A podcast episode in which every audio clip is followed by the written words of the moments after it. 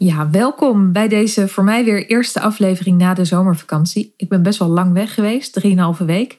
En als ik dan terugkom, dan ben ik het altijd even helemaal kwijt hoe het ook weer allemaal ging. Alleen al hoe het podcastsysteem ook weer werkte. Maar ook ja, als ondernemer moet je dan ook altijd weer zeg maar, de kracht vinden. En denken van, oh ja, ik ben zelf, weet je, ik moet elke keer initiatief nemen natuurlijk.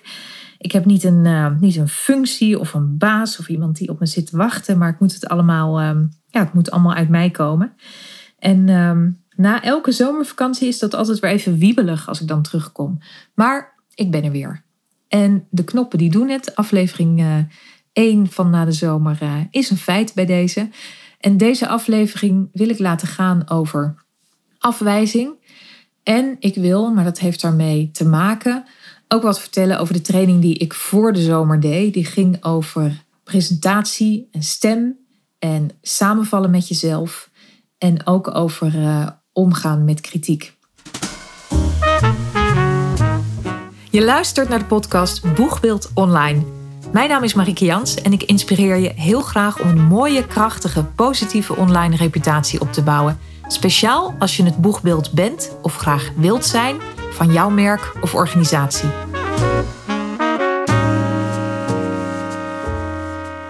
Als je het boegbeeld wil zijn van jouw merk of organisatie en je wil echt voluit het verhaal vertellen, naar buiten treden, inspireren, dan is er één ding wat echt waanzinnig belangrijk is.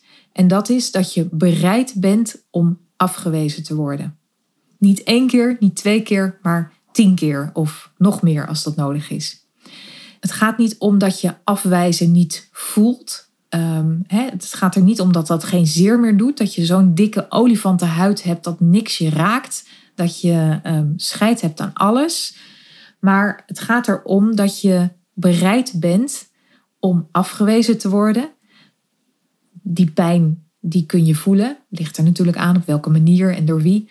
Maar op te krabbelen en weer door te gaan. En je niet te laten vormen door het negatieve van de afwijzing. Maar door weer te geloven, weer te staan voor je boodschap. En je weer net zo vrij als daarvoor, of misschien nog wel vrijer, te voelen in hoe je die brengt, waar je die brengt, hoe vaak je die brengt.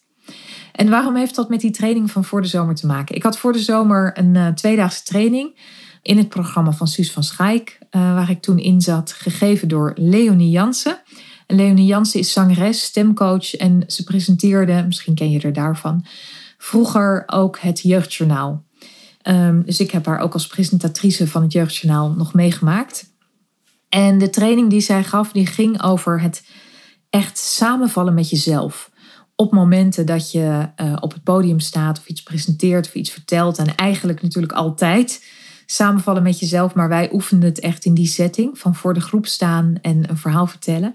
En dat samenvallen met jezelf, dat gaat erom dat je dat wat je vertelt, dat dat echt samenvalt met dat wat je bedoelt en dat wat je uitstraalt. En ook dat wat je voelt.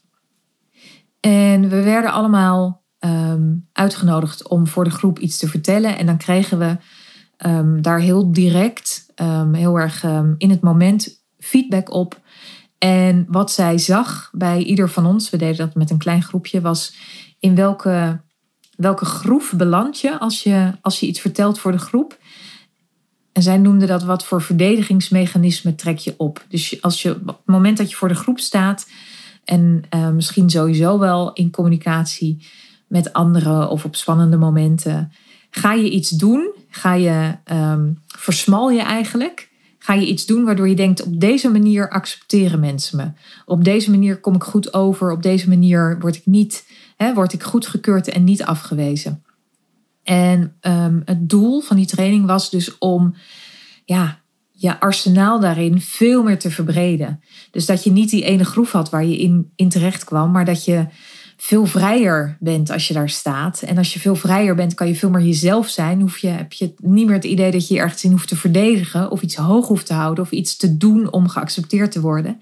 Maar kun je daar echt staan in ontspanning als jezelf en durf je te zeggen dat wat je voelt en dat wat je bedoelt en dan valt het samen. Nou, als het samenvalt ben je natuurlijk is je uitstraling veel magischer, veel mooier, veel aantrekkelijker, komt je boodschap beter over. Is het ook gewoon leuker om daar te staan.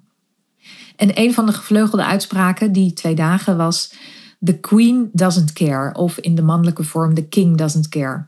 En ik noemde net al eventjes dat ehm, hè, het scheid hebben aan alles. Nou, The Queen doesn't care is natuurlijk gewoon de soort nette versie daarvan. En dat gaat erom dat als je daar staat op zo'n moment, dat je op geen enkele manier bezig bent met wat anderen van je zouden kunnen denken. En hè, als je bezig bent met wat anderen van je denken, dan is er natuurlijk altijd een angst om afgewezen te worden. Dat mensen het niet goed genoeg vinden, dat ze jouw verhaal niet goed genoeg vinden, dat ze jou niet goed genoeg vinden, dat ze je uitstraling niet goed genoeg vinden. En ja, daar, daar wil je dus doorheen breken. Of in het, het is natuurlijk, het zijn dingen die je in je eigen hoofd spelen. Hè? Want het gaat niet eens om de af, afwijzing van anderen. Het gaat om jouw angst om afgewezen te worden. Dus of een ander dat nou wel of niet doet, dat is niet eens zo interessant. Het zit natuurlijk in je eigen systeem en kun je jezelf daarvan verlossen. Mijn verhaal toen ik voor de groep stond, we moesten iets vertellen over wat je passie is en ik, uh, ik vertelde iets over racefietsen in de bergen. En toen mijn verhaaltje klaar was, zei ze: Ja, uh, goed, je bent een ervaren spreker.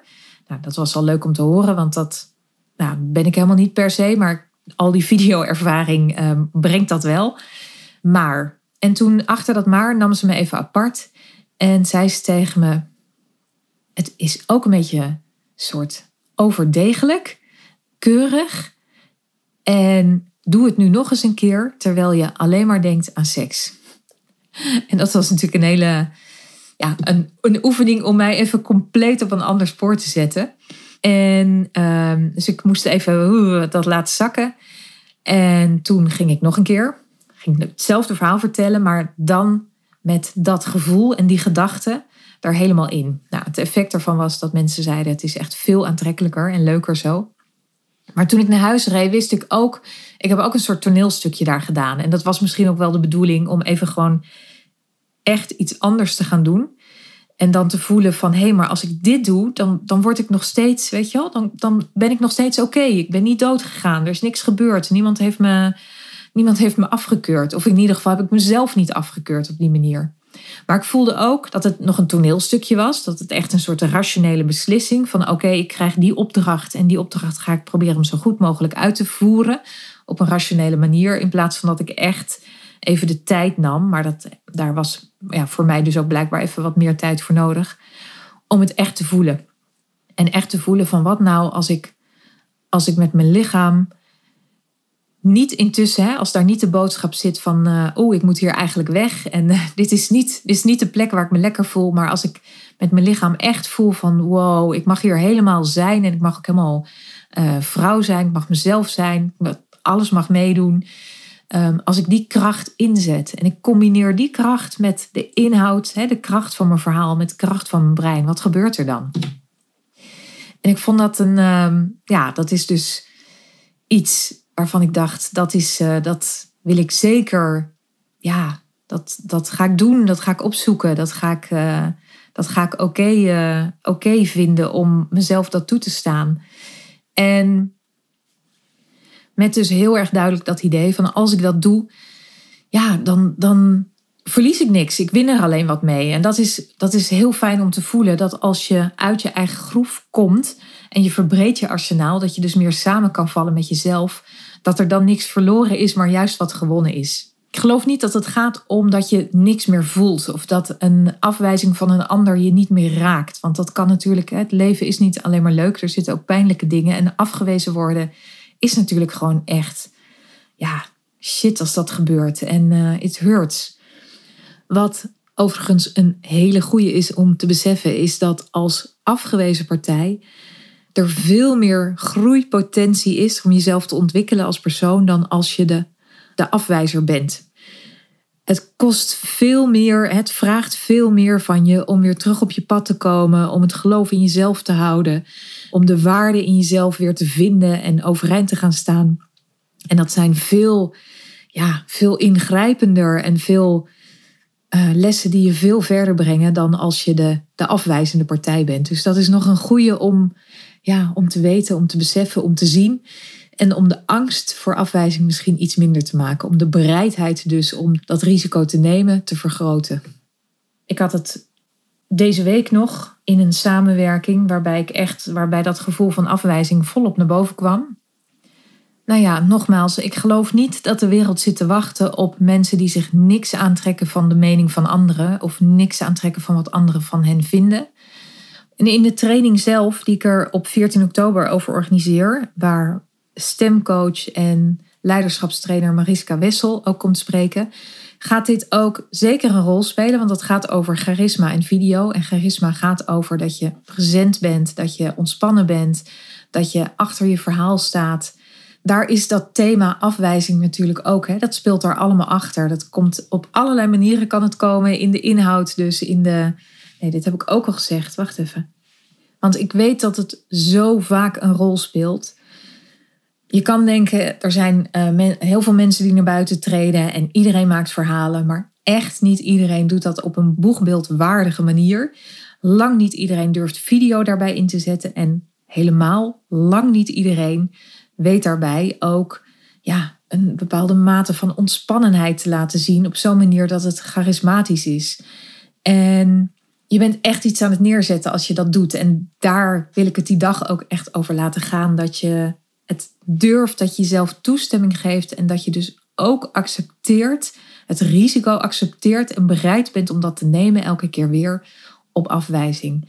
Dus dat, dat, ja, dat gezegde wat in die training elke keer terugkwam, the queen doesn't care, dat je dat ook echt voelt. En dat kan je, daarvoor is het nodig dat je ook zelfbewust bent. Dat je weet van, hé, hey, maar als ik dit doe met mijn stem en als ik dit doe met mijn houding en als ik dit doe met mijn verhaal, dan begint alles samen te vallen. Dan begint het samen te werken. Dan staat er iets wat, ja, waar ik echt achter sta, waar ik me vrij in voel en waar ik me krachtig in voel. En waar je in ieder geval jezelf helemaal goedkeurt, er zelf helemaal mag zijn. En dan volgt de rest. Maar het begint natuurlijk met dat interne proces. Dus die dag, 14 oktober, gaat daar ook volop over. Wil je daar meer informatie over Kijk vooral even op mijn website marikejans.com. Daar zitten twee op de homepagina zit, zie je een knopje naar de live dag. Je kan me natuurlijk ook altijd een DM sturen. En ben je geïnteresseerd in een boegbeeld online traject, ja, waarin ik je stap voor stap bijsta in dat naar buiten treden, in het maken van verhalen, in het bedenken van jouw verhalen en in het, ehm, ja, in zorgen dat jij echt uitstraalt en vertelt de ideeën waar je in gelooft, waar je achter staat, die je voelt. En dat je dat ook in video durft te doen. En dat je dat ook op een manier durft te doen dat je echt een inspirerend boegbeeld in jouw markt wordt. Dan spreek ik je heel graag. Ja, dan ik, ik sta te popelen om met mensen die dat ambitieniveau hebben, om dat te gaan doen. En je kunt al echt een boegbeeld zijn in je organisatie. Je kan ook nog op de plek zitten dat je die potentie wel voelt, maar dat je het nog niet aan het doen bent. Hoe dan ook, ehm, ja, voel je vooral welkom om in gesprek te komen met mij daarover. Ja, dat was het. Tot zover. Ik wil je bedanken voor het luisteren. Wil je reageren op deze aflevering? Vind ik heel leuk. Wat is jouw ervaring met afwijzing, toestemming geven en met, ehm, ja, met dat soort zelfbewustzijn? Kijken naar jezelf. Welke blik heb je over jezelf daarop? Ik hoor het allemaal graag. Dat kan via DM op Instagram of LinkedIn of via team.marikejans.com. En ik ontmoet je heel graag in een volgend verhaal.